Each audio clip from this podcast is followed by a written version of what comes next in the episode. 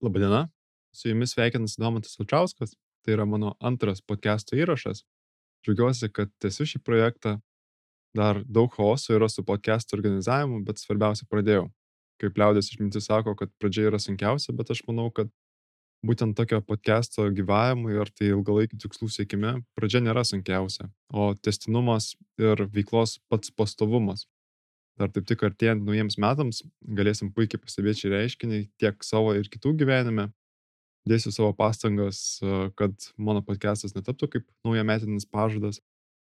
Pirmą kartą girdintiems mane, aš esu asmeninio veiksmingumo coachingo specialistas, psichologijos studentas, Tarptautinės coachingo federacijos ICF bendruomenės narys ir sakiau, kad didžioji dauguma Lietuvos gyventojų turėtų gyvenimo kryptį, kuri leidžia gyventi gerą gyvenimą.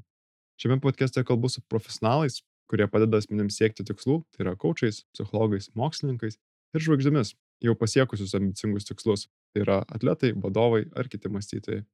Šis podcastas skirtas ne tik skleisti informaciją apie įvairius įrankius, bet ir mesti iššūkį asmenims įsitikinimams, remiantis išvalgomis iš mokslinių tyrimų ir asmeninių istorijų apie tikslų siekimą ir jų gyvendinimą.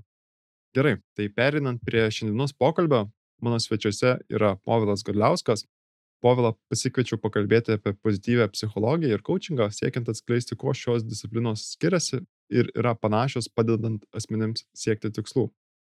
Vienas iš mitų, kad pozityvioji psichologija dirba vien tik su teigiamom emocijom ir liečia temas apie vaivorykštės ir vienaragius. Tai yra tolimas fantazijas, be kurių žmogus galėtų drąsiai apseiti ir gyventi savo gyvenimą. Mano nuostabai šiame pokalbėje sužinojau, kad pozityvioji psichologija gali ne tik padėti su neigiamom emocijom, bet ir trauminiais išgyvenimais.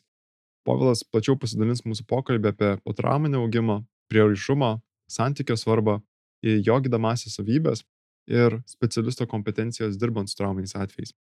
Pakalbėsime apie psichologinės gerovės matavimo įmonės kontekste, kaip tai galima matuoti nuo dirbtinio intelekto, Facebook algoritmo nustatant asmenybės brožus iki pat elementariausių apklausų, kurias gali naudoti tyrėjai. Paliesim ir su to susijusius etikos klausimus, kurie yra keliami apie darbuotojų gerovę, kuomet psichologiniai geroviai darbinėme kontekste įtaką daro asmeniniai santykiai namuose ar su savo antraja pusė. Galiausiai pabaigsim pokalbį su diskusija apie coachingo specialisto nežinojimo būseną, ar tai padeda užmėgsti santykių su klientu, kai specialistas pasako, kad nežinau, kaip tau galiu padėti, ar tai nėra nusimetama atsakomybė, kaip specialistai su psichologiniu išsilavinimu veda pokalbį su klientais ir tie, kurie jo neturi. Linkiu gero klausimo. Jeigu įdomu, kaip galite prisidėti prie šio podcast augimo ar gyvavimo, rasite visas nuorodas ir būdus prisidėti šio įrašo aprašyme. Ačiū, kad klausot. Labadiena klausytojai, su jumis sveikinas Tomas Salčiauskas ir šiandien džiaugiuosi turėdamas svečiuose Povilą Galiauską. Povilas yra psichologas konsultantas, projekto coach.lt įkūrėjas ir vienas iš coachingo psichologijos pradininkų Lietuvoje. Per šešis metus Povilas dirbo IT atrankų specialistu ir konsultantu. Labiausiai didžiuojasi atrankų projektais, kuriuos gyvenino įmonėse VIX, Proton Mail, Zedge ir Vinted. Šiuo metu didžiąją laiko dalį praleidžia konsultuodamas IT srityje dirbančius specialistus ir vadovus. Jo specializacija tarp asmeniai santykiai, veiklos gerinimas, gyvenimo ir darbo balansas, gyvenimo pokyčiai ir egzistencinės krizės bei streso valdymas. Likusį laiką Povilas atlieka mokslinius tyrimus apie programinę įrangą, kuriančių asmenų gerovę ir konsultuoja įmonės darbuotojus gerovės klausimais. Povilą galite rasti LinkedIn arba Coach.lt puslapyje. Labas, Povilai. Labas, Domantai. Lietai pasirašyti šitą, taip klausau ir kažkaip skamba pompastiškai, bet tavo ne. asocijuosi su savo prašymu ar šiek tiek keistai skamba? Keistai kažkas... skamba, Vis, visada yra keista, žinai, atrodo, kaip ir viena vertus smagu ir džiugu, e, kita vertus toks atrodo, žinai, gyrimas iš čia kažkoks lietuviško mentaliteto kompleksas. Man, jo, galbūt šiek tiek ir man irgi, jeigu aš pasirašyčiau taip išplėstai, tai atrodo, na kažkaip man iš asmeninės pusės kažkaip kaip pasirašyti, tai kažkaip atrodo, kad jau na, tikrai per daug ego, per daug bandau užkelti, bet kai kažkas kitas parašytų, nu, okei, okay, čia tavo žodžiai, čia viskas tvarkoja. Mhm. Tai kai pats būni atsakingas už tai, tai visai skirtingai. Mhm. Bet vien skaitant aprašymą, na, man ir, man atrodo, klausytam iškart supažindina ir man pats toksai matosi mūsų sritis, kurios vienio, tai tiek psichologija, na, nesu baigęs psichologiją, bet studijuoju, pats mhm. coachingas ir mano kaip irgi interesų viena iš ryčių, tai yra psichologinė gerovė. Ir šiandien būtent ir su tavim noriu pakalbėti apie psichologinę gerovę ir taip pat apie pozityvę psichologiją, kas tai yra ir ko, ko tai siejasi su coachingu ir, ir kaip tai veikia darbę su klientais, su įmonėmi, įmonėmis psichologinės gerovės klausimais. Tai apie mhm. tai noriu pašnekėti, gal šiek tiek tokio konteksto, prieš pradedant užduoti pirmą klausimą.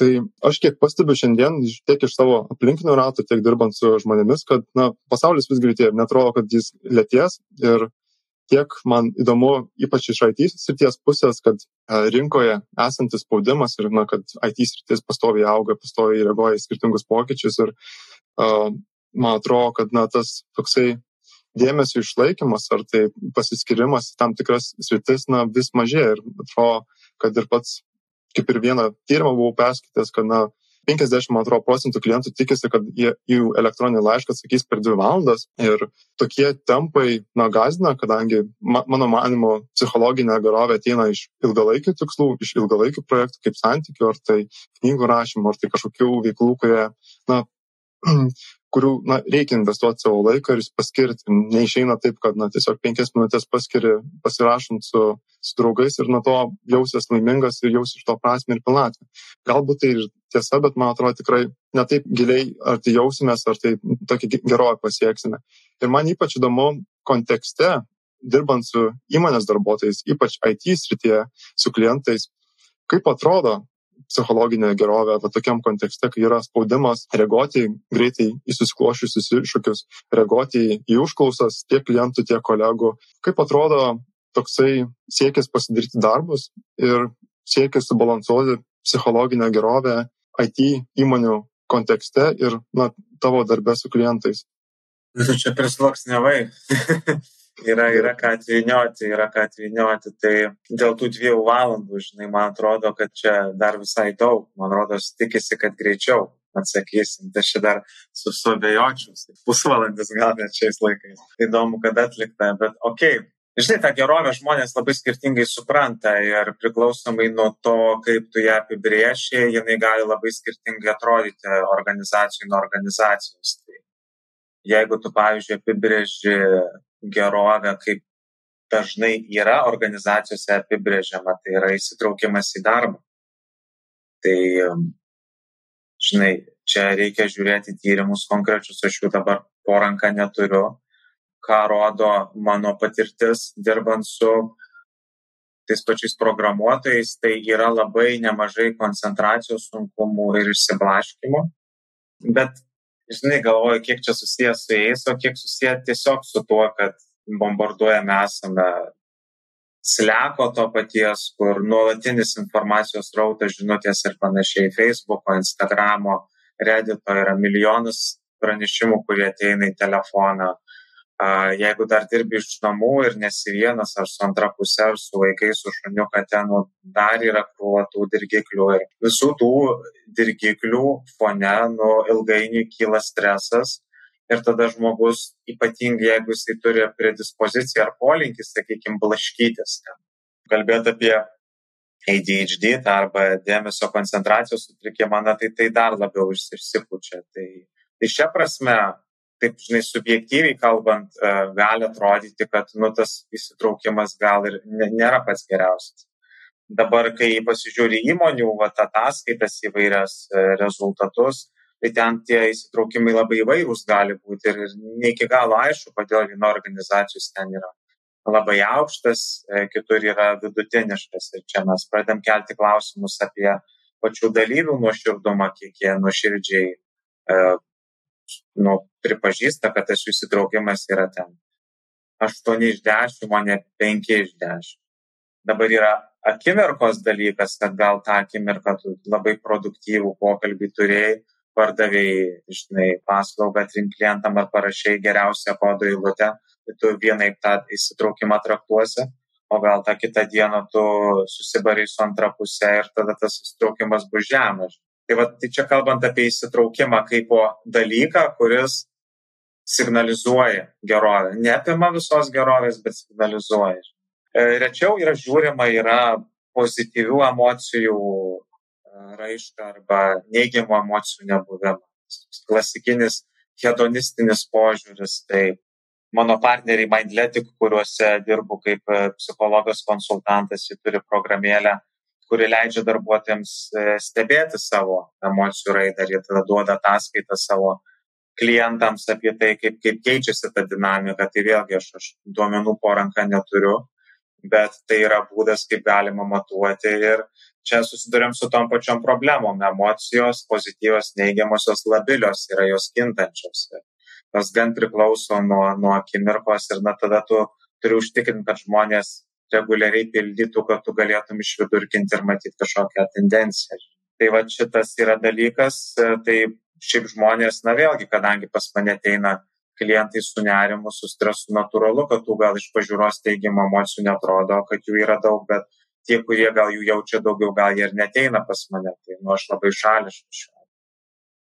O kas dar, nu, tai yra ta trečioji gerovės forma, kuri šiaip man pačiam labai įdomi yra, tai yra ta vadinamoji ne hedonija, o eudaimonija, pasak Aristotelio, geras arba toras gyvenimas. Ir po to sukrenta labai daug dalykų, sukrenta augimas, sukrenta prasmės, sukrenta E, pilietiškumas arba citizenship dabar kaip įmonėse būdinga kalbėti. Tai tokie, žinai, reiškiniai, kurie yra daugiau nei tik tai kažkoksai, žinai, pasinerimas į veiklą, daugiau nei tik tai teigiamos emocijos, bet ir kažkoks toks, žinai, pojūtis, kad darai kažką daugiau negu tu pats, tarnauji kažkokiam tikslui, nežinau, misijai kažkokia ir tas iš savęs teikia kažkokį tą laimės pojūtį. Ir čia yra labai įdomu, žinai, kad vat, e, nemažai startuolių, kurie gal iš pažiūros tokiam nuolatiniam strese gyvena dabar, čia, aišku, aš negaliu apie tai kalbėti, bet iš savo klientų pirmųjų sužinau apie atleidimus, kurie vyksta IT įmonėse vienoje kitoj, daug kur patyliukais, per daug nesiafišuojant, nenorint kažkokios skelb gal panikos, triggerinti ir pačių darbuotojų. Tai gali atrodyti, kad ten nu, neigiamų emocijų yra perteklius, gali atrodyti, kad tas įsitraukimas irgi recesijos fone toksai šiaip savo, nes žmonėms tiesiog baisu nu, dėl, dėl finansinių įsipareigojimų, ypatingai jeigu tu esi pradedantis ar pradedančioji specialistė ir tau reikia pasidengti brangią nuomą, kuri išaugo nesveikai pastaruoju metu. Tai, tai ta, žinai, įsitraukimas, e, tos teigiamos emocijos gali taip šiaip savo atrodyti, bet, žinai, gali žmonės labai prasmės jausti, nes tas tiesiog e, krizinis periodas jis gali labai stipriai auginti ir turiu pavyzdžių, kur e, sako įmonės, nu taip pat kabinom darbuotojų, bet e, visi suvokiam, kodėl tai turėjom padaryti ir tie, kurie liko, jie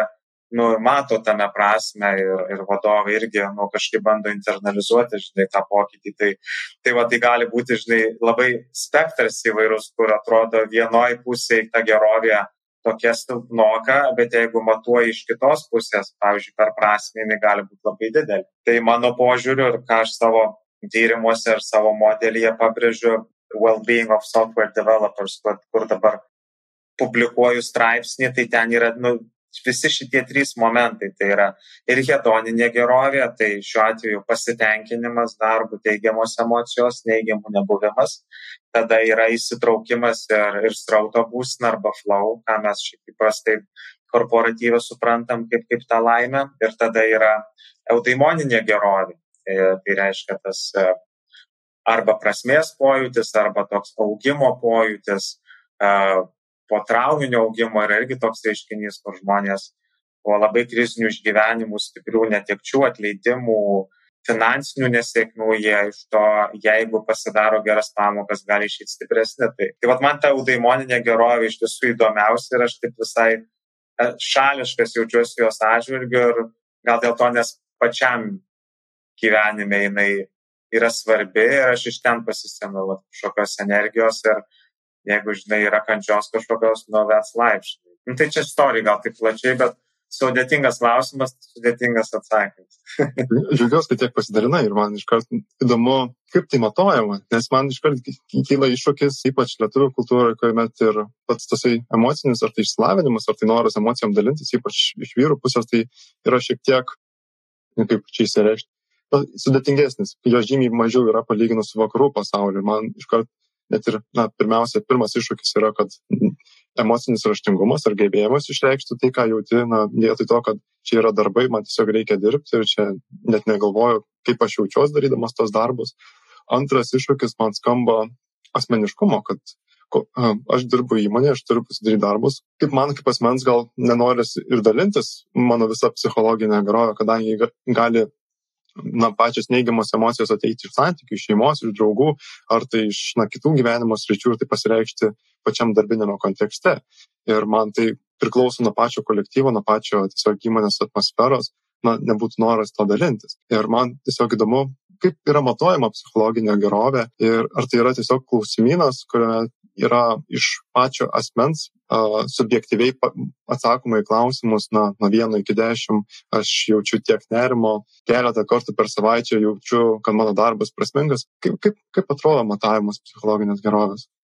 Žinai, čia reiktų e, dabar susitarti, apie ką mes kalbam. Ar mes kalbam apie matavimą laboratorijai, ar mes kalbam darbinėje aplinkoje darbinėje aplinkoje. Man būtų įdomu darbinėje aplinkoje, kadangi laboratorijoje ar tenai akademinėse rėmose, tai jau galima tenais daug ką prigalvoti, kas tiesiog nepritaikoma, ar tenais yra iššūkių praktinėje srityje. Tai man įdomu, kaip o, iš įmonių, su kuriamis dirbai, ar su klientais, ar yra tekę kažkokių sistemų, programų ar tai projektų, kuomet buvo naudojama matuoti psichologinę gerovę.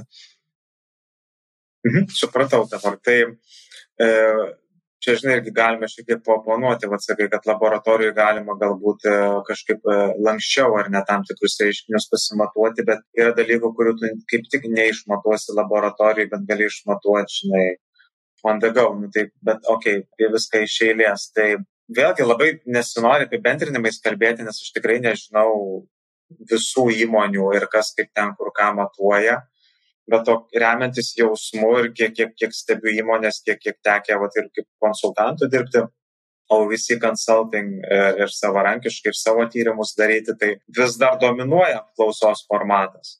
Ir čia yra labai sudėtinga problema, kaip apie tokius sudėtingus reiškinius e, gauti informaciją per klausimą, į kurį atsako žmogus remdamasi savo subjektyviais išgyvenimais tai tas pats pasitenkinimas gali būti matuojamas tai per įvairias skales, tai tu gali klausti, kiek žmogus patenkintas savo santykių su vadovu, kiek jis yra patenkintas savo augimo galimybėmis nuo karjeros, kiek jis patenkintas atlygiu, kiek jis patenkintas darbo sąlygomis, kiek jis jaučiasi saugiai. Tai va čia tas satisfaction arba pasitenkinimas. Kai eina kalba apie įsitraukimą, tu gali klausti, nu kiek tu jautiesi pasinėręs į savo darbą, nuo vieno iki penkių, nuo vieno iki dešimt, kai vienas yra visiškai nepasinėręs, dešimt labai pasinėręs.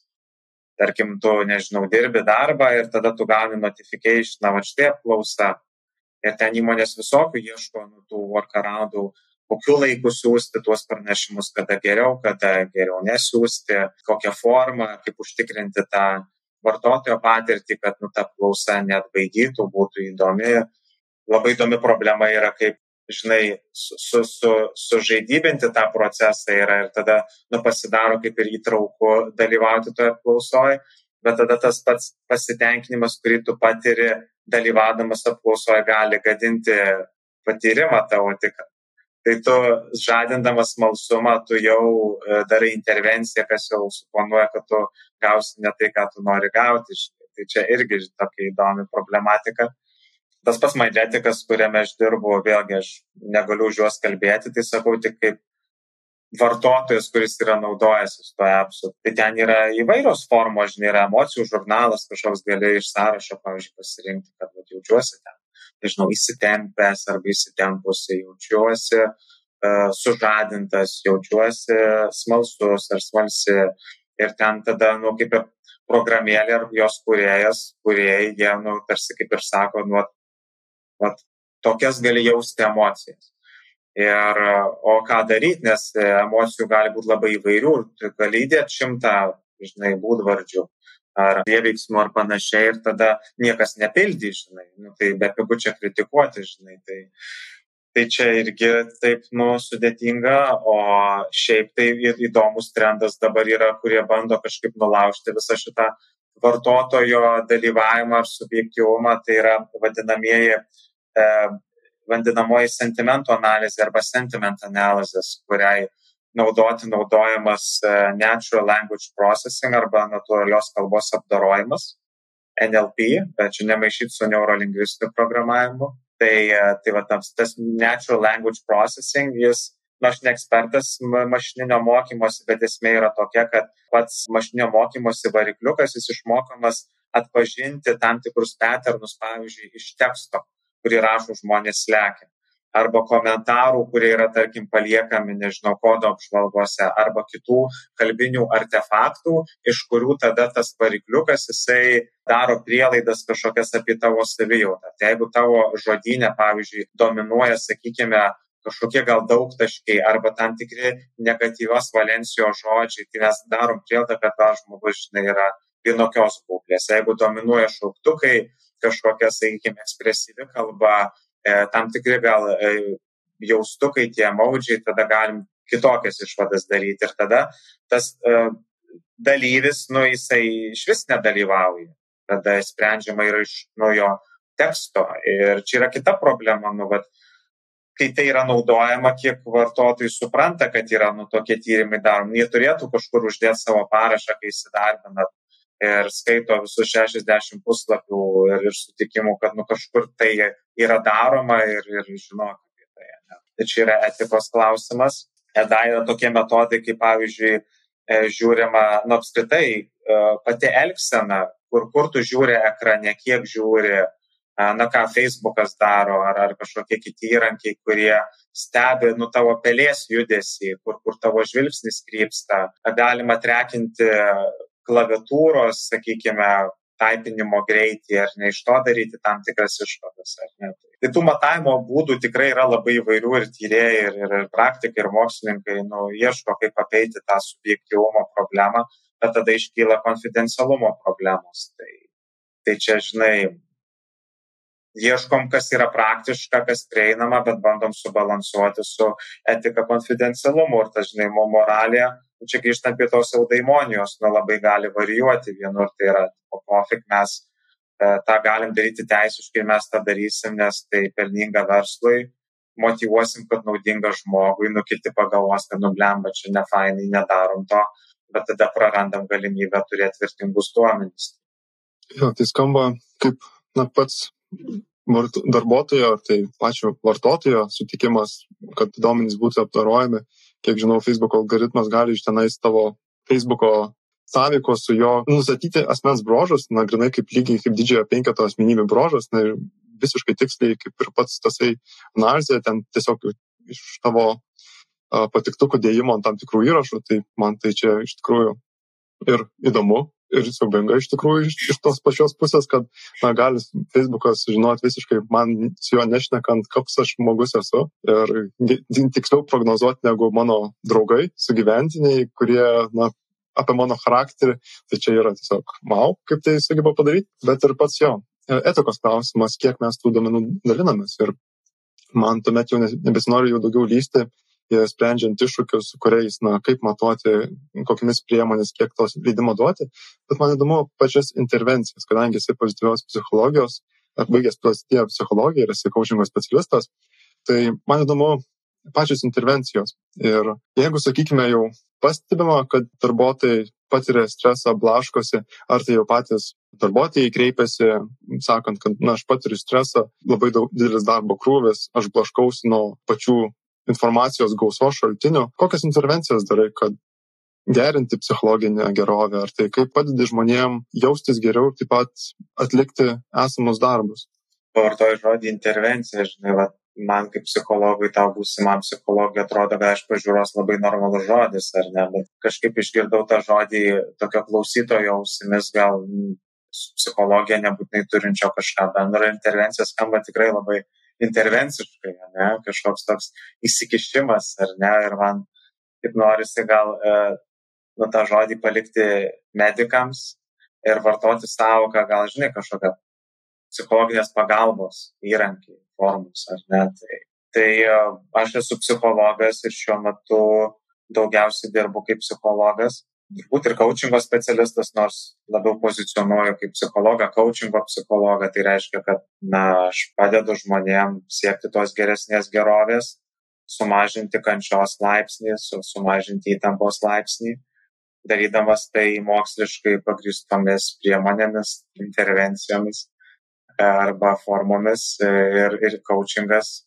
kaip tam tikra psichologinio konsultavimo forma irgi yra, ką aš šalia viso to taikau, tai sudaro mano didžiąją laiko dalį. Tai aš vedu grubiai po šešias sesijas per dieną, e, keturis kartus per savaitę. Tai yra daugiausiai psichologinės konsultacijos, 50 minučių, kur, kur kombinuoju ir psichoterapinius elementus, ir coachingo elementus, labai priklausomai nuo to, su kokiais tikslais ateina klientas, su kokiais sunkumais, rūpeščiais ir priklausomai nuo to, kokią formą darbo mes susitarėm. Tai su vienais klientais tai gali būti visiškai grinas coachingas, kur žmogus turi labai aišku tikslą, žino, ko nori, turi resursų, turi pasitikėjimo savimi ir nori mąstymo ramščio. Žmogaus, kuris gebėtų išklausyti, duoti grįžtamą ryšį, kaip kai kurie mano klientai sako, atspindėti jų bullshit pastebėti bullshit ir, ir, ir, ir efektyviau priartėti tų tikslų. Tai tokių klientų yra mažesnė dalis. E, didžioji dalis yra klientų, kurie ateina su kažkokiais sunkumais. Tai pavyzdžiui, vienam klientui gali būti iššūkis atsiriboti nuo polinkio arba sumažinti polinkį, pataikauti antrai pusiai, kolegoms, kas savo ruoštų trukdo koncentruotis į darbą. Ir turiu klientų, kurie žiūri kalendorius savo kolegų, stebi, ką jie tuo metu veiks ir strateguoja, kaip jie, tarkime, prieis prie to, kas rodo tam tikrą, žinai, obsesiškumą ties tuo, kaip, kaip va, tuos santykius kurti, ar net tokį labai jau net strateginį planavimą, kaip tai daryti. Ir, ir iš to pokalbio nu, gali įvairūs kampai išlysti. Tai e, vienas kampas gali būti, kad tokie, tai kaip dabar mes koreguojam tavo elgesį, taip kad tu jaustumėsi patenkintas, patenkinta, kas yra toks labiau elgesio terapinis apraučas arba stilius, arba mes galim lysti, žinai, priežastis, kokį poreikį žmogus bando patenkinti savo tokiu elgesiu. Ir neretu atveju gali paaiškėti, kad saugumo, meilės ar dar kažkokį kitokį. Ir tada mes ieškom būdų, kaip tą poreikį klientas galėtų savo gyvenime atliepti ekologiškesniais būdais, samoningesniais būdais. Tai, nežinau, kurdamas artimesnius santykius, jeigu neturi antros pusės, susirasdamas antrą pusę, atstatydamas balansą, kažkokią harmoniją santykiuose su tėvais, vaikais ir panašiai. Tai, tai va tas, žinai, va, coachingas, terapija, žinai, labai miksuojasi ir mano tikslas yra, kad tiesiog žmogus nugautų tai, ką mes susikontraktinam. Ir jeigu žmogus nori eiti į gilį, mes einam į gilį, jeigu žmogus nori elgesio korekcijos, nepriklausomai nuo to, kokios yra to priežastys, mes galim dirbti ir taip. Tai va, tai yra toks, sakyčiau, e, coachinginis darbas, e, psicoterapinis darbas, eklektinis, kur kombinuoju abu. O šiaip e, tai kažkiek pradedu dabar vystyti ir savo tą consultingo praktiką, tai labai noriu išsipublikuoti savo magistrinį darbą, na tai dabar jis yra peer review procese, kur tiesiog tikrina dabar žurnalo redaktoriai tą straipsnį, tai aš jame ten aprašiau savo teorinį modelį e, programinį įrangą kuriančių žmonių gerovės ir tas modelis jis yra praktiškai taikomas. Tai pagal klausimynus galima tiesiog stebėti tam tikrus reiškinius, tą patį pasitenkinimą, įsitraukimą ir eudaimoninę gerovę. Yra labai konkretūs veiksniai, kurie sąlygoja šitas tris gerovės, yra konkrečios pasiekmes ir tas modelis tai signalizuoja nenoriu per daug išsiplėsti, jeigu norėsi, galėsiu. Man trumpas pausus klausimas. Tie klausimai, jie kokiu dažnumu ateina? Vieną kartą per dieną, vieną kartą per savaitę? Kas kiek laiko užduodi klausimus e, iš šių trijų sričių psichologinės gerovės? Tai aš neužduodu, nes dabar e, pirmiausia tai yra straipsnio apžvalga ir aš tiesiog noriu prasivaliduoti su kolegomis ekspertais tą straipsnį, kad gaučiau kritikos pastabų, kas liečia tą modelį e, išpublikavus tas ryčios pasiekimumas bus dar didesnis, tada yra mintis pasidalinti tuo konferencijose. Aš apie Lietuvą nekalbu, net tos temos jos dar labai Lietuvoje ypač moksliniam lygiai yra mėgėjiškai suprantamos. Tai keletui tarptautinių konferencijų ir jau po to kitas žingsnis tada yra e, pasiūlyti kažkokį produktą įmonėms, e, kuris nu, neišvengiamai nu, turi būti kažkaip patogiai naudojamas, o ne Google formose. Tai čia dar čia yra visas kelias, kuris ilgas ir jis, ir aš einu lietai, bet po truputį. Tai, tai čia ta tokia ateities vizija.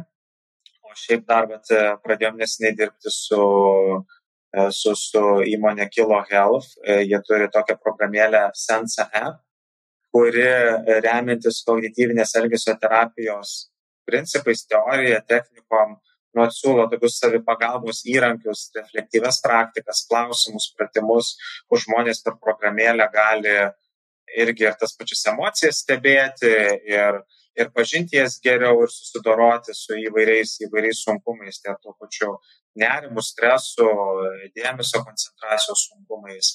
Tai kolega Dainius Jekučionis labiau dirba su, su, su ta vat, kančia arba kančios mažinimu, nors čia tai būtų neteisingas skaitis labai ir to pozityvaus kampo priduoda ir mano dabar yra užduotis dirbti su temomis, kurios yra tos kabutėse pozityviosios, tai kaip pavyzdžiui dėkingumas, prieimimas, dėmesingas įsisamoninimas, atleidimas, nežinau, ar sakiau, gerovės įvairios formos. Čia, aišku, viskas susiję, bet kadangi tame tiesiog daugiau žinių yra, daugiau kompetencijos, tai va irgi va, pasiūlyti žmonėm įrankių, kaip atliepti tam tikras būsenas. Tai, tai čia irgi pati pradžia yra, tai, tai yra mano viena diena per savaitę, kai aš nekonsultuoju ir kažką įvairiau darau. Tai, bet čia dar negaliu per daug kažko papasakoti, nes tiesiog pirmi dar žingsniai. Skamba puikiai ir linkiu sėkmės vystant Ačiū. ir uh, pačiam projekte ir na, konferencijose pristatant. Ir man čia kaip kažkaip norisi ir plačiau išplėsti, kadangi minėjai, kad kaip psichologas, tačiau na, jeigu aš nežinočiau tavo praktikos ar pozityvios psichologijos, tai ir galvočiau, kad tenais labiau yra bandymas gydyti ar tai diagnozuoti ir na, dirbti su psichologiniais sutrikimais, kaip minėjai Deinis Jokučionis, labiau su kančia dirbti. Tai gal gali trumpai papasakoti, kas yra pozityvioji psichologija klausytams tie, kurie na, nežino, kas tai yra. -hmm. Jo, gal tada verta pradėti nuo to, kas nėra pozityvioji psichologija. Man atrodo, yra labai daug mitų, labai daug mitų apie šitą sritį. Tai pozityvioji psichologija tai nėra kažkokie laimės vaistai. Ar kaip užsipompuoti teigiamom emocijom ir užsimotivuoti. Man atrodo, labai daug žmonių įsivaizduoja, kad va, pozityvioji psichologija tai va, yra tik apie laimę ir tik apie teigiamas emocijas ir tokį, žinai, hype kai kada atrodo maniakišką tokį gyvenimo būdą ir, ir tai yra labai paviršutiniškas iš tiesų pozityvios psichologijos supratimas. Aš su kritika sutikčiau prieš 40-30 metų, kai tas judėjimas tik tai formavosi. Bet net ir tuo atveju tai buvo irgi labai neteisingas skaitimas Seligmano, Petersono ir kitų, kitų Čiksek Mehalio to paties e, idėjų iš esmės. Tai, taip pat kas, kas nėra, tai tikrai nėra toksai, žinai, e, triukai, e, paprasti patarimai, kaip jaustis neva geriau. Tai čia ne pozityvioji psichologija. Taip labai trumpai ir primityviai, tai pozityvioji psichologija yra psichologijos mokslo šaka, kuri tyria gerovę. Gerovę individų, gerovę porų, gerovę šeimų, gerovę institucijų, organizacijų, gerovę visuomenės, taip toliau ir panašiai. Ir jau apie gerovės matavimo problematiką mes jau šnekėjom, bet ta gerovė gali būti ir va, tas pats pasitenkinimas gyvenimu darbu, tai gali būti teigiamų emocijų buvimas, neigiamų nebuvimas, tai gali būti va, ta eudaimoninė gerovė arba tas doras, e, toks gyvenimas. Humanistinė psichologija, turbūt būtų teisinga pasakyti, yra tokia kaip ir viena iš įkvėpėjų, į, į kurią reagavo pozityvioji psichologija daugmaž praeito amžiaus 90-metį. Jiems trūko ten moksliškumo, trūko sistemos, trūko praktinio pritaikomumo, bet tos pačios idėjos jos jau ten irgi labai buvo gajos. Tai ta pati visi žino Maslow poreikių piramidė, tai Abrahamas Maslow, humanistas psichologas, daug kalbėjo apie tą peak performance, kas yra va, coachingė pagauta va, tokia klišė, arba tą aukščiausią tokį produktyvumą. E, po to jis labiau pradėjo kalbėti apie savitranscendenciją savo, savo karjeros jau, jau pabaigoje ir gyvenimo pabaigoje. Tas pats Karlas Rodžersas praktiškai performavęs, kas yra psichoterapija, jeigu iki to laiko tai būdavo, žinai, toks e, medikų e, reikalas e, psichoanalitikų, gal netgi tokių freudinių kognityvistų, gal irgi jau kažkiek tuo metu jau, jau Skinnerio įtakoj. Tai jisai parodė, kad ir psichologai gali būti neblogi psichoterapeutai jis įvedė terminą counselor arba konsultantas, tai tada visą tai paklojo pagrindą psichologams turėti kelią į psichoterapiją. Ir dabar niekas net nekvestionuoja, kad psichoterapeutų gali tapti, nu, kaip minimum, medikas ir, ir psichologas. Ir įdomu tai, kad čia taip išsiplėsiu, coachingė irgi Karlas Rodžersas paliko labai stiprią žymę. Ir čia taip e, toks teaseris į priekį apie tai, ką kalbėsim, bet aš esu labai tvirtos nuomonės, kad coachingas yra toks Karlo Rodžerso į asmenį orientuota terapija 2.0. Tokia antra versija, žinai, bet mes galėsim dar padiskutuoti. Tai, tai va, tai žodžiu, pozityvioji psichologija mokslas E, sistemiškas mokslas tyriantis gerovę moksliniais tyrimais, moksliniais būdais ir siūlantis intervencijas arba priemonės, kaip galima su tuo tvarkytis. E, pozityviosios psichologijos temoje coachingas yra irgi kaip intervencija, bet tai gali būti ir įvairios savipagalbos programos, programėlės, e, gali būti irgi laikomos intervencijomis. Humanistinė psichologija stipriai įkvėpė, iki šiol yra gai ir egzistuoja, bet kai žiūri publikacijų kiekį ir populiarumą, tai pozityvioji psichologija ten rauna stogą palyginus. Tai toks naujas įsikūnymas humanistinės psichologijos. Ir kodėl reikėjo pozityviosios psichologijos, tai ne tik, kad kažkaip atsverti humanistus, bet ir parodyti, kad psichologija nėra tik tai apie kančią ir kančios gydymą.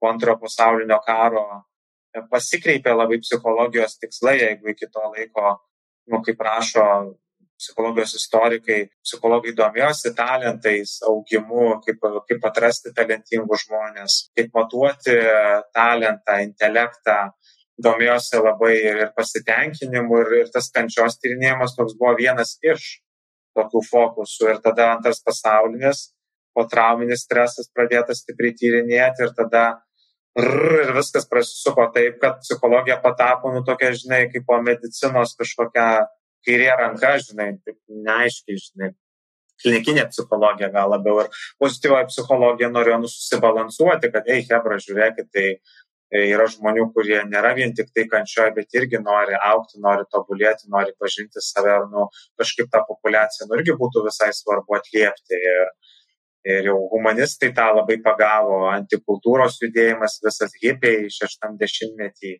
narkotikai, e, tiksliau, psichodelikai ir jų uždraudimas, na tai ten buvo toks bumas, kuriame nu ir coachingas gimė visoje toj košiai. Tai pozityvioji psichologija vėliau atėjo, bet e, nu, kažkaip susistemino visą tai tokį kryptingą mokslinį, praktinį judėjimą.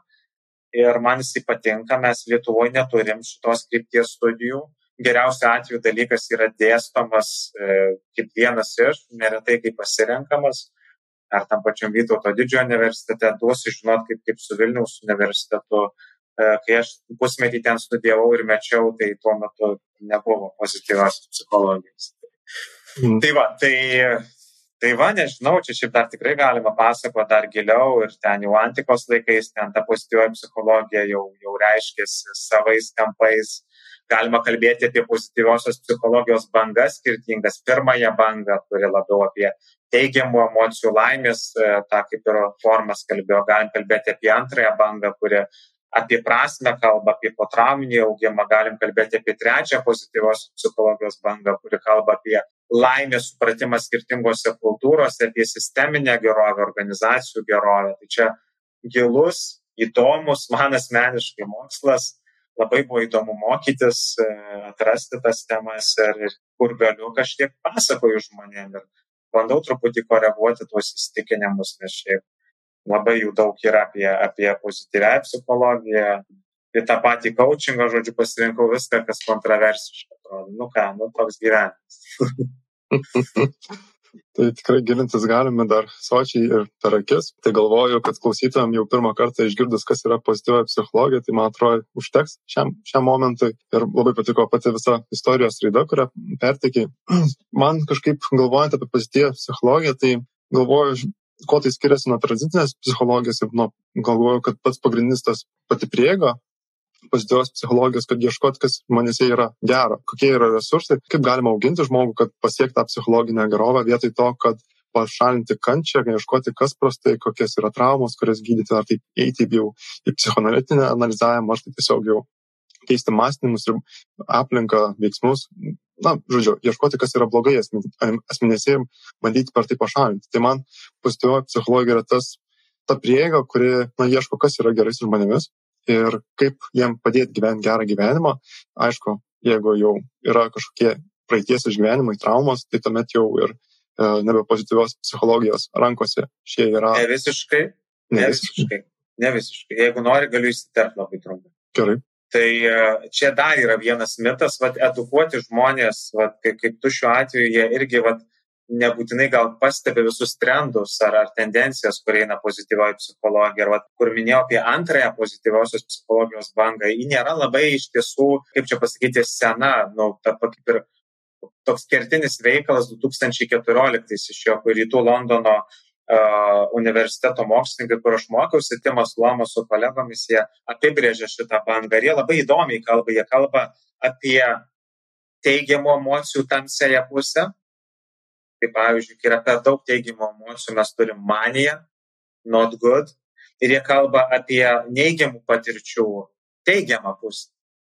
Tai pavyzdžiui, ką duoda mums kančia, kokią tai vertę turi, ką mums duoda skausmas, ne ką mums duoda iššūkį, ką mums duoda krizės. Ir, ir čia labai yra irgi tokia kišenė ir toks triušio urvas, kur galim kalbėti apie potrauminį augimą, atsparumą ir, ir panašias temas. Tai kodėl aš norėjau šiek tiek pakoreguoti, nes irgi, kad žmonės neturėtų klaidingo įsitikinimo, kad pozityvioji psichologija yra tik apie vieną spektrą ir visiškai nesigilina į tą tamsėje, sakykime, bus.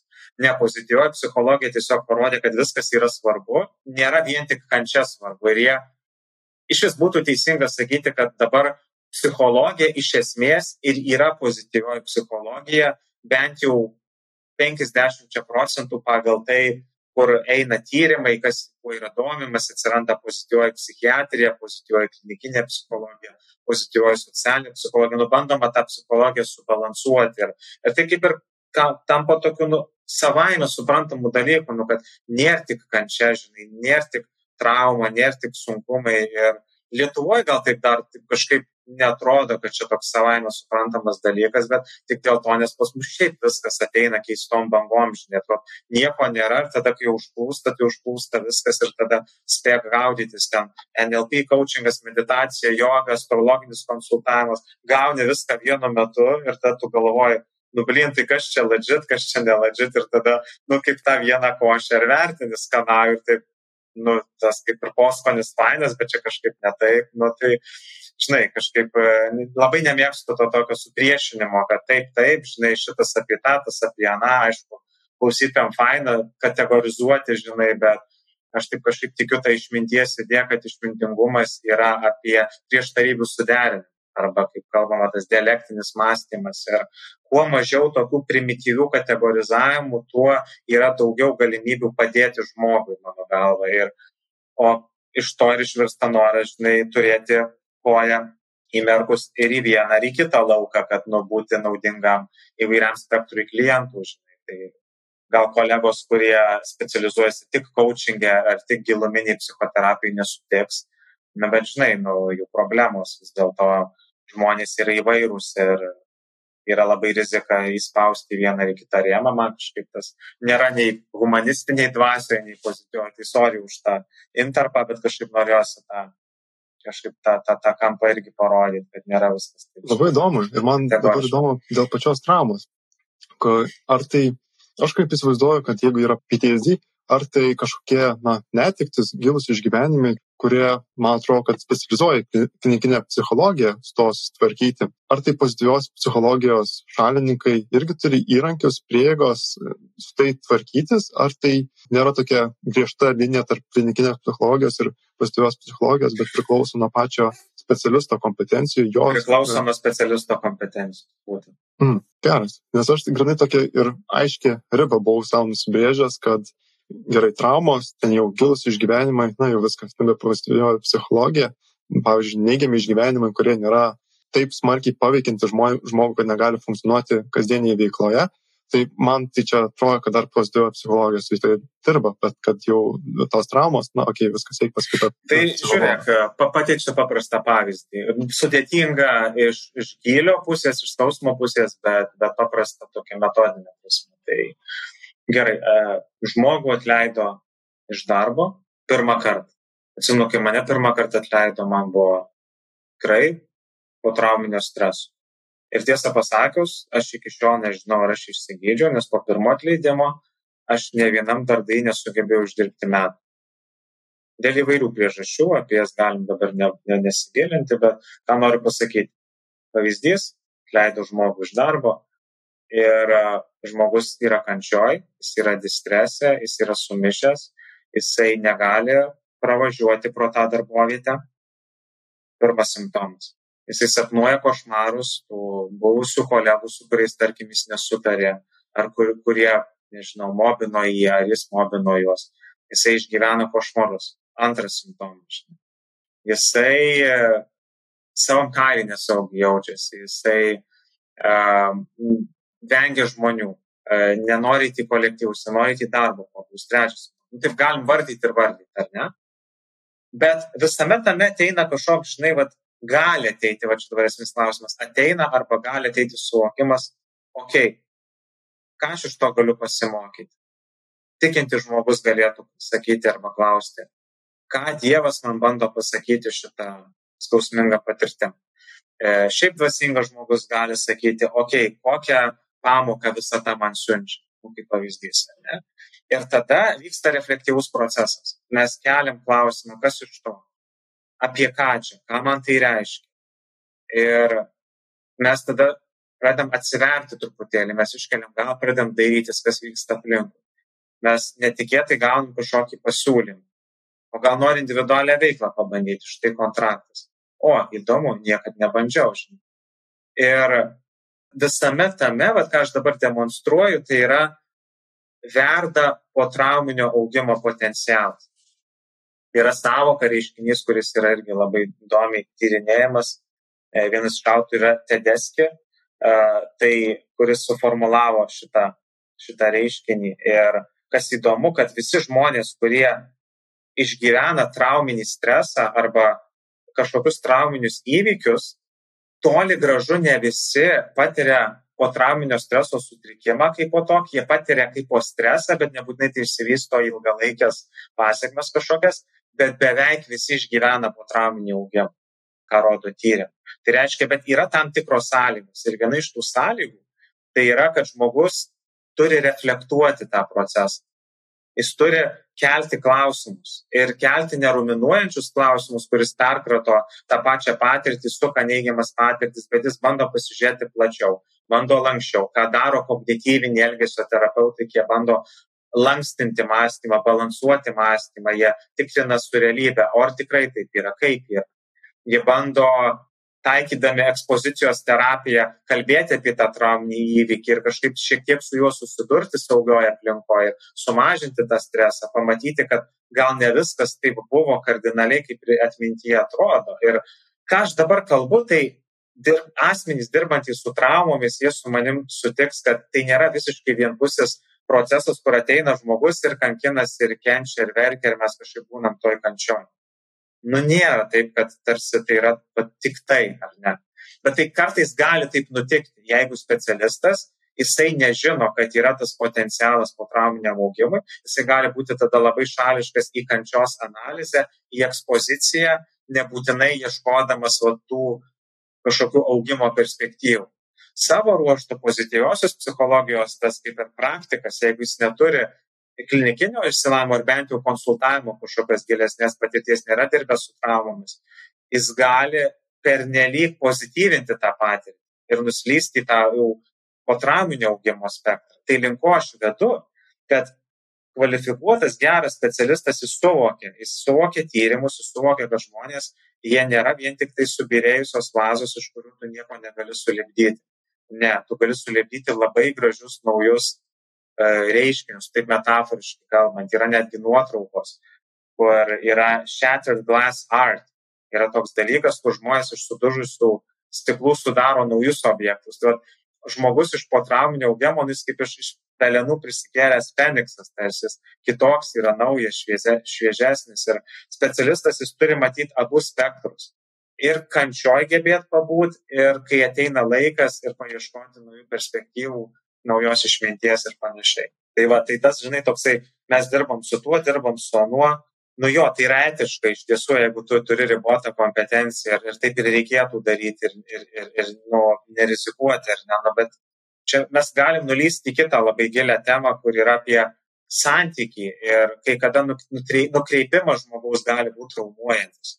Jeigu žmogus ten rinkosi, nežinau, pusmetį specialistą, jis išsirinko dėl kažkokių priežasčių tave, manydamas, kad tu jam padėsi, tu turi kompetencijos, tu išklausai valandą jo istoriją ir tada sakai, sorry, čia ne mano laukas ir tada žmogus jaučiasi dėl įvairių priežasčių, gali jaustis išduotas, atstumiamas ir tada, tipo, nu, tu kaip ir pasielgiai teisingai, etiškai, žinai, iš tos pusės, teisiškai ar ne. Bet jeigu tu nesuvoki, kaip veikia prieraišumas, kaip veikia E, psichodinamika santykio, perkeliamas, kontraperkeliamas, tu gali labai rizikuoti. Tai, tai žinai, man kažkaip nu, nesinori gal klausytojų taip, žinai, sumenkinti, gal įgalinti, kad, nu, tai Hebra, prasiplėskit savo kompetencijų lauką, turi, supraskit, kas yra kančia, domėkitės, klientams, klientai padėkos, nes jiems kreipti šiaip yra daugeliu yra sunku. Dabar irgi čia buvo, žinai, nežinau, ar matei, ir paskutinė mintis. ICF, Tarptautinė coachingo federacija, paskelbė apie tai, kaip svarbu coachingo specialistams būti trauma aware. Nežinau, ar matei paustą. Ir kai ICF LinkedIn oficialioj paskyroje buvo šitas įdėtas, ten keli coachingo psichologai buvo už šitos iniciatyvos ir mintis tos iniciatyvos, kad coachingo specialistai turi būti atviri, kad yra žmonių su įvairiom traumom ir kažkaip neretraumuoti tų žmonių ir labai daug žmonių, ir tarp jų ir aš, sakyčiau, prisidėjau, pasigavo, tai ką dabar coachingo specialistai kaip ir skatinami su trauma dirbti, ar ne? Ir ten buvo kosmiškai daug komentarų po to paustų į ICF įvairių žmonių, kur ne, čia mes nelendam taip toliau ir panašiai, žinai, čia geriau coachingo specialistams nesikišti ir iš tiesų, nu, tai neina kalba apie tai, kad tu dabar padėsi išgyti nuo traum, traumos ir trauminio streso, bet tai yra apie tokį kaip ir jautrumą bet jeigu tu jau esi jautrus, jeigu tu jau gebi identifikuoti, kad tai yra trauma, tu jau užsimi psichodiagnostiką arba psichologiniu vertinimu, tai jau yra viena koja į psichologų daržą. Tai čia sudėtinga, žinai, tema yra ir aš kviečiu visus elgtis teisiškai, etiškai, neapsimti to, ko tu negali apsimti, nevaizduoti narcizų, kad tu čia gali visus dabar pagydyti, ir kai kuriems gal pasiseka, žinai, nekreipiant dėmesio į tada, kada nepasiseka ar ne, bet vis dėlto, nu, aš griežtas šitoje vietoje esu ir man atrodo, kad geriau yra turėti stiprius psichologijos pagrindus, coachingo specialistai turėti supervizorių ir coachingo, ir psichoterapijos rytyje ir galėti įvairiais būdais padėti klientui. Tai yra nepopuliari pozicija, bet mano patirtis kol kas rodo, kad klientai vertina tai labiau, tyrimai rodo, kad klientai noriau eina pas coachingo specialistą su psichologiniu išsamu, reikia kažkas, kažkas už to yra, kažkoks yra patirnas ir, ir tas patirnas jisai yra slopinamas, žinai, dėl to, nes tiesiog yra kai kam patogiau, kad būtų atskirtos šitos profesijos ir gerai, nu, tebūnė. Mm. Tai, tai toks variantas. labai gerai, labai įdomu buvo klausyti ir ačiū, kad dalinės taip plačiai. Tai keletas minčių, kurios kilo. Tai aš pats, kodėl pradėjau į psichologiją studijuoti, vien iš to, kad pamačiau, kad iš kočingo praktikos, na gerai, yra pastebėjimas traumų. Mes kočingo specialistai nedirbam su traumom. Bet kaip man žinot, kad tai yra trauma, kad tai nėra ribojantis įstikinimai, ar aš turiu kompetencijas diagnozuoti tam tikrus dalykus, ar aš net iš turiu samoningumą apie tam tikrus dalykus. Man buvo tekę dirbti ir su ADD turinčių klientų. Tuo metu nežinau, kad jis turi ADD, tuomet ir jis papildomai kreipiasi ir pas psichoterapeutą, kuris išsiaiškina, kad turi ADD bet iki tol tai aišku kas čia yra. Čia jo tikros asmenybės asmeninės savybės išsiblaškymas prasta diena daugelis dalykų kas sukrėtė iš kur man žinot aš ne psichologas ne psichoterapeutas ir vienas iš tokių dalykų kaip kaučingo specialistui tai man atrodo svarbiausia yra e, kompetencija yra pripažint savo nežinojimą. Aš nežinau kas šiuo metu vyksta nežinau kas tau veiks nežinau kokių rezultatų padės pasiekt nežinau kaip mes tai pasieksim. Ir kartu įėjimas na kontraktingas ar tai susitarimas dėl darbo sąlygų kad gerai aš nežinau ar tai čia yra trauma aš nežinau ar tai tau bus svarbu kalbėtis apie tai ir man tiesiog išklausyti ir tau tiesiog reflektuoti ar tai tiesiog atspindėti bulšitą tavo terminais kalbant.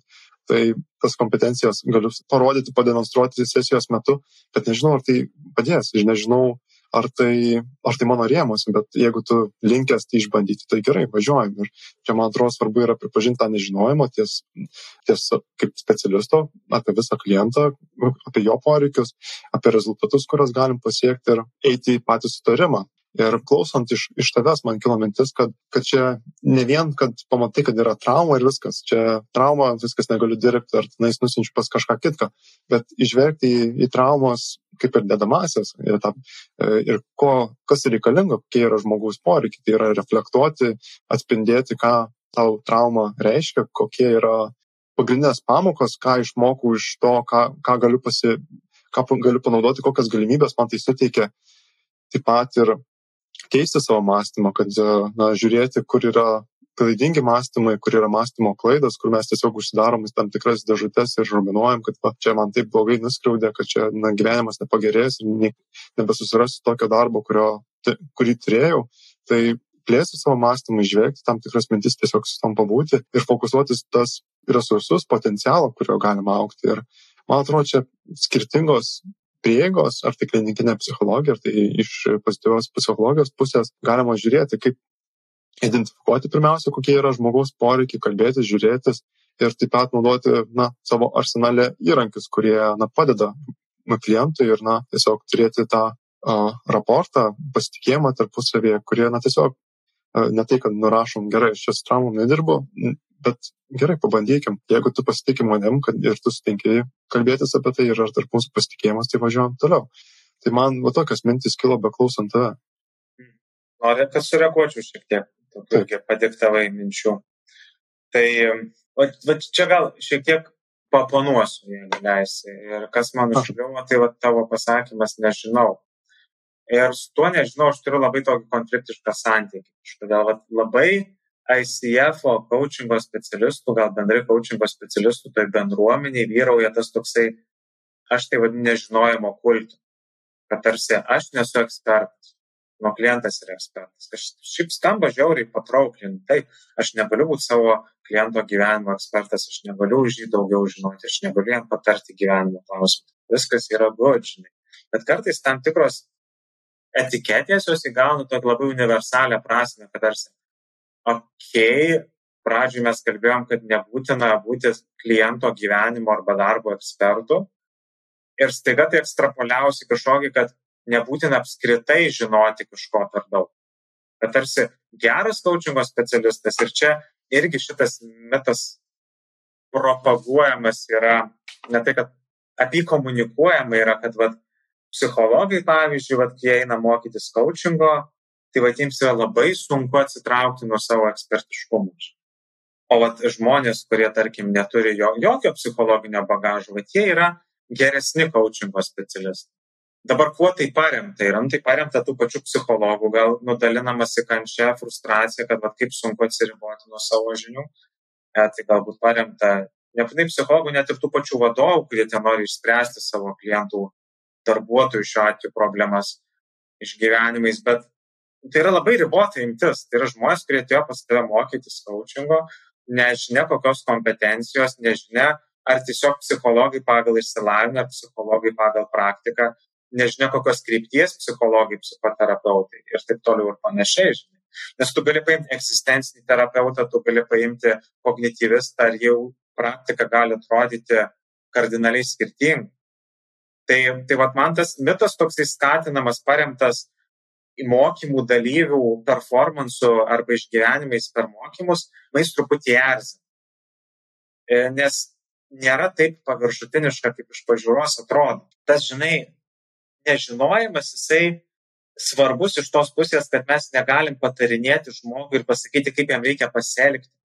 Bet kai eina kalba apie kompetenciją, ir pasakysiu, kas man yra kompetencija, tai, tai nėra vien tik tai etikos modelio žinojimas ir išmanimas. Tai nėra vien tik tai, kad ir tų pačių ISEFO kompetencijų išmanimas ir demonstravimas sesijos metu, žinai, ar įrašė tam pačiam. Tai nėra vien tik tai, žinai, santykio kūrimas, kontraktinimas, atidus klausimas, kūrybinės erdvės sukūrimas, kontraktingas, veiksmų modeliavimas.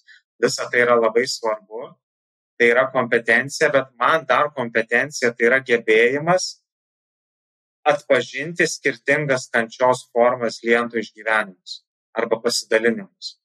Ir tos kančios formos, jos turi subjektyvę dedamąją, apie ką tu kalbėjai, tai ką tau reiškia trauma, kaip tu supranti, kaip tu ją suvoki.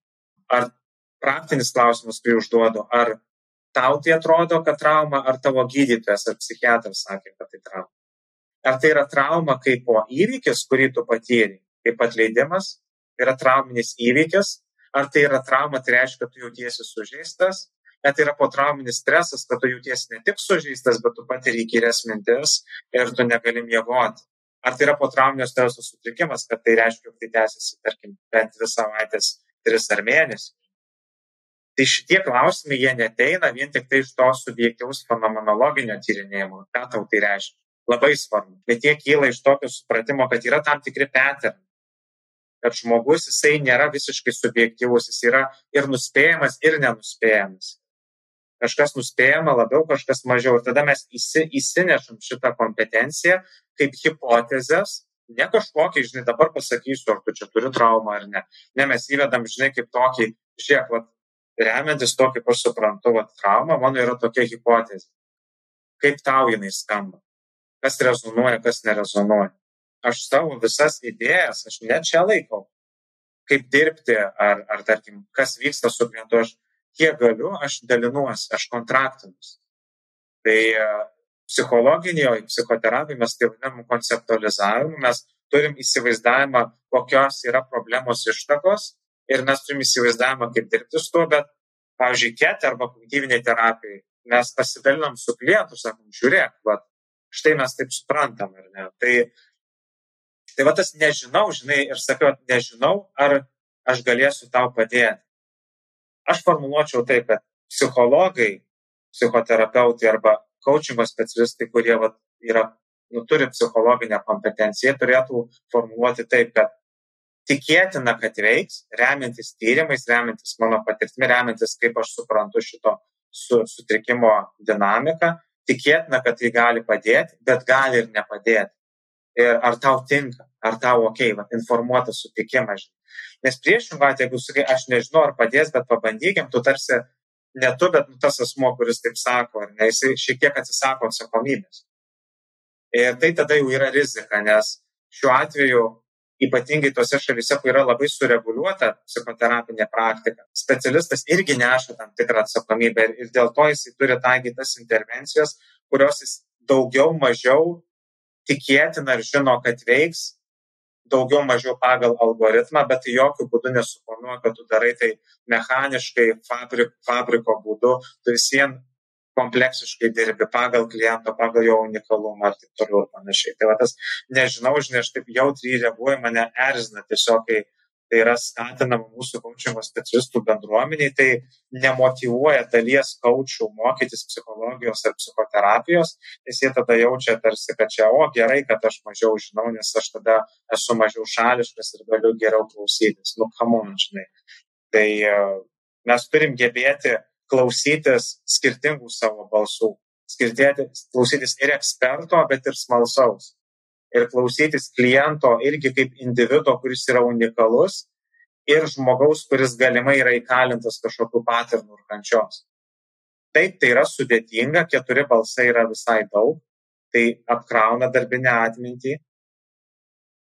Bet tai yra tavo darbas, nu mano akimis, tai yra tavo darbas. Jeigu tu neturi to balso, to irgi šiek tiek eksperto, nu tai mes čia žinai, va, kaip tu sakai, aš nežinau, kas bus. Nu jo, tu nežinai, gal yra eisim į mišką, o e, galės kardis ir nu, nukrisim abu skaudžiai. Tai Lietuvoje, kadangi viskas čia, žinai, niekas nesureguliuota, tai galim savo leisti, žinai, bet Amerikoje ten kaušiai jie labai bijo tų, kad jų praktika pavadintų kas psichoterapija, nes jie gali, nu, į teismą juos gali užtikrinti. Dėl to yra profesinės veiklos draudimas, kuriuos jie visi turi praktiškai, bent jau solidus kaučiai Lietuvoje iš vis net neįmanoma kaučiungui gauti tokio produkto, aš bandžiau, tai, tai psichologiniai praktikai šiaip netaip gavau, bet ten žala, kurią padengia, ten yra 16 tūkstančių, žinai, gal kai tuo metu e, Amerikoje normalus yra tas žalos potencialus padengimas draudimo profesinio, tai yra bent milijonas svarų.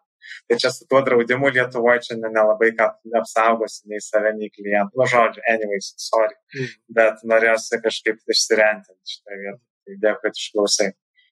Geras mintis. To nežinojimo tokia labai plona riba tarp naivumo. Ir e, man asmeniškai nežinojimas yra smalsumas, kuris, mm. su kuriuo eini patį pokalbį. Mm -hmm. Ir naivumas tuomet pasireiškia, kokiu, kokiu, kokiu, kaip strategiškai priemi, kaip pokalbį vystyti, nes aš patiriu, na, pats susiduriu su iššūkiais coachingo sesijoje, kuomet, na, ir trūksta ar tai patirties, ar tai daugiau žinių iš pačio žmogaus psichologijos, kaip veikia mąstymas, ar kas jam būtų naudingiausia.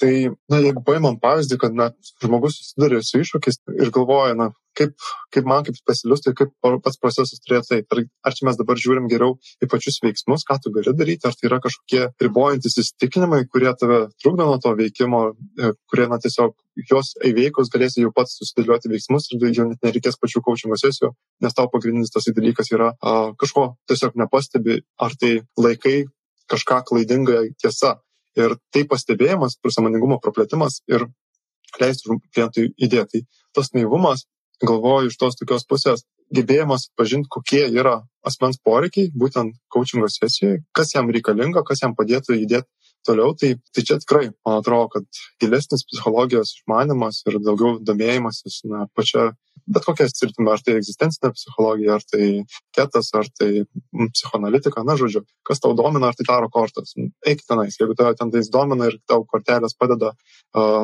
dirbti su klientais, na, valio, tegul. Aš, aš tai nepropagosiu, bet tavo reikalas. Tai tas naivumas tikrai trukdo, sakyčiau, vesti patį coachingo sesijos ir manau, kad tikrai didesnis, didesnis žinios, didesnė patirtis ir leistų pasiekti skirtingus rezultatus. Ir aš galvoju iš tos tokios nežinojimo pusės, kad nėra taip, kad aš nežinau, nusimetu atsakomybę ir tiesiog važiuojam ir tiesiog niekur nežiūrim. Uh, svarbus dalykas ir man atrodo yra grįžtamasis ryšys, kad na, klausti, kaip tau buvo ši sesija, ką, kas tau buvo naudingiausia, kas tau padėjo, kas, tau, kas neveikia iš vis. Ir su to nežinojimu einam į priekį, bet pastovi kaip retrospektyviai pažiūrim, kas veikia, kas neveikia ir uh, koreguojam tarpusavį santykių, koreguojam kontraktingą, ar tai tau reikia daugiau direktivumo, uh, iššūkių metimo, ar tai reikia man tiesiog, kad tave išklausyčiau, ar tai tam tikrų kiti klausimai, ne apie tavo įsitikinimus, kuo tau tai yra svarbu, gal tiesiog važiuojam į sprendimus, ilgalaikį planą, vizijas ir, ir ko, tai, ko tau ateitis yra svarbi, ne, o kiti dalykai. Ir gal tau holistinis požiūris, derinant skirtingas gyvenimo sritis. Tai aš galvoju, tasai nežinojimas yra kaip ir pradžia, išsiaiškinsim ateityje, kad, na, bet tai nėra nusimetimas atsakomybės mūsų abiejų, bet pastoviai turint grįžtamo ryšio, na, ar tai struktūra, ar tai procesą, ar tiesiog natūraliai dalinamasis grįžtamo ryšiu, na, pastovaus jo klausimas. Prašymas tiek kaip kliento, kad na, pasidalinti, kaip man atrodė sesija, ar tiek jo kaip, na, man specialistui, ką, kur aš galėčiau tobulinti. Mm. Ir taip pat dar vienas dalykas, ką noriu replikuoti, yra kompetencijos. Ir man atrodo, tikrai priklauso, kokioje srityje tu kaip coachingo specialistas dirbi ir kokiuose rėmuose. Jeigu jau grinai eini dirbti su stresu, su kančia, su na, rimtais išgyvenimais, tai išmanimas psichologijos, psichoterapijos, tai man atrodo tikrai, na, ne tai, kad privalumas, bet vos ne kaip būtinybė, jau jeigu pozicionuoji save būtent dirbti tokioje srityje ir su tokiais išgyvenimais. Ir čia, žinai, vat, jeigu leisi įsiterpti, žinai, vat, krūvagi coachingo specialistų, kurie dirba su vadovais, jie kiekvienam pokalbį praktiškai susiduria su stresu. Tai dabar ar tai reiškia, kad jie turėtų psichoterapijoje beveik visi specializuotis? Aš nežinau, man atrodo, kad nepakenktų. Tuomet klausimas, ko klientas nori iš coachingo specialisto, kodėl ne pas jam pas psichologą, psichoterapeutą. Tai man tuomet čia toks... Jis, tai, jis, yra, jis yra narcisistinė, čia dabar šaržuoju, narcisistinė asmenybė, kuriam žemai tai pas psichoterapeutą, nes psichoterapeutas yra kažkoks gydytojas, o aš noriu pas coachą, aš noriu performance savo gerą. Ir aš tikrai nesileisiu, kad čia kažkas dabar gydytų mane ir man apie mano vaikystę klausinėtų, aš eisiu pas kaučą, kuris yra toks pats kietas vadovas kaip aš arba kietesnis. Geras klientas ir tikrai. Ne, tai čia, čia, čia, ir čia nėra visiškai šaržas. Aš, mm. aš turiu tokių klientų. Ja, aš, aš suprantu, ką noriu pasakyti ir matau tos pačius ir iššūkius, kuomet jau na, ar tai neigimas, ar ką čia psichologai tenai su traumom dirba, ar aš psichas, ne psichas. Tai tasai noras dirbti su kočiu, man, man klausimas, kaip tuomet jau pats kočias įves kontraktingą, gerai, tai nenori eiti pas psichologus, kalbėti apie tai, apie ką tu nori kalbėti. Ir, ir man atrodo, tuomet ir dalinamasis, jeigu iš, iškyla tam tikros nusritis, gerai, aš esu vadovas, man reikia padėti savo tiem vadovam ar tai komandos nariam dirbti efektyviau, bet, na, sakykime, aš ne, nepatikiu strateginių planų ar netikiu grįžtamo ryšio, nes galvoju, kad, na, galvoju, kažkaip galėtų būti. Per nelik didelis stresas pateikti grįžtamą ryšį, ai, čia nereikia to grįžtamo ryšio ir panašiai, kažkokie klaidingi įsitikinimai, ar tai mąstymo ribos yra. Mm. Tai aš galvoju, kad, na, įsivedant kontraktą, gerai, ką, apie ką mes kalbėsim, kokių rezultatų siekime iš coachingo sesijų ir tuomet patiriam mm. tam tikrus iššūkius, gerai. Aš pastebiu, kad tau trukdo pasiekti tavo tikslą va šis dalykas. Ar, ar tai nori apie tai daugiau pakalbėti? Ir, na, tuomet jau vyksta kontraktingas, vėl plečiamas ribos. Jo, tai atkalbant apie kontraktą, paskutinė mintis, šiaip, ką tu kalbi, man labai rezonuoja su tokia pluralistinė filosofija. E, jinai Lietuva tai apšiai niekas apie tai nekalba ir nelabai ir domis, ne šiaip yra naujas dalykas, bet e, šiaip labai dėkingas jaučiuosi, kad susidūriau su šitą sistemą. Tai yra Britų toksai dalykas sukurtas Britų psichoterapeutų, labiau humanistiškų psichoterapeutų, tai tokio Cooperio ir McLeodo. Yra tokie du autoriai. Ir štai iš šitos idėjos esmė yra tai, kad į kiekvieną pokalbį ar coachingo, nu, labiau psichoterapijos, bet coachingas irgi tinka, yra trys dedamosios skaitmeninių. Tai yra mano kaip specialisto žinios, patirtis, kompetencija, išmanimas ir čia sukrenta viskas klinikinė psichologija, pozityvioji psichologija, vadybos patirtis, viskas, ką aš, visa patirtis, kompetencija, kurią aš turiu. Tada yra klientas, kurio yra jo coachingo galbūt patirtis, jo konsultavimo patirtis, jo darbo su žmonėm patirtis, jeigu jis yra vadovas, jo žinios, mokymai, viskas, ką jis yra išmokęs. Ne? Ir tada yra trečia dedamoji yra kultūra arba kontekstas, kuriame mes esame. Tai šalis, kultūra, organizacija, whatever. Ir tos kultūros diktuojami paternai, kažkokie dėsniai, taisyklės, ritualai ir panašiai. Ne? Ir kiekvienas va, šitas šaltinis, jis yra resursas. Ir dabar klausimas, kur tas resursas yra. Tai dažnai galvojama, kad psichoterapijai resursas yra psichoterapeuto dedamoji, kad čia jis žino kaip geriau. Coachingė kažkodėl labai galvojama, kad kliento pusė yra resursas labiau, kad jis yra tas, kuris yra resursiškas. Ne? Dar kažkas gal sakytų, žinai, kad čia visgi sistema ir ją reikia gilintis, ten koksai team coachas, ne?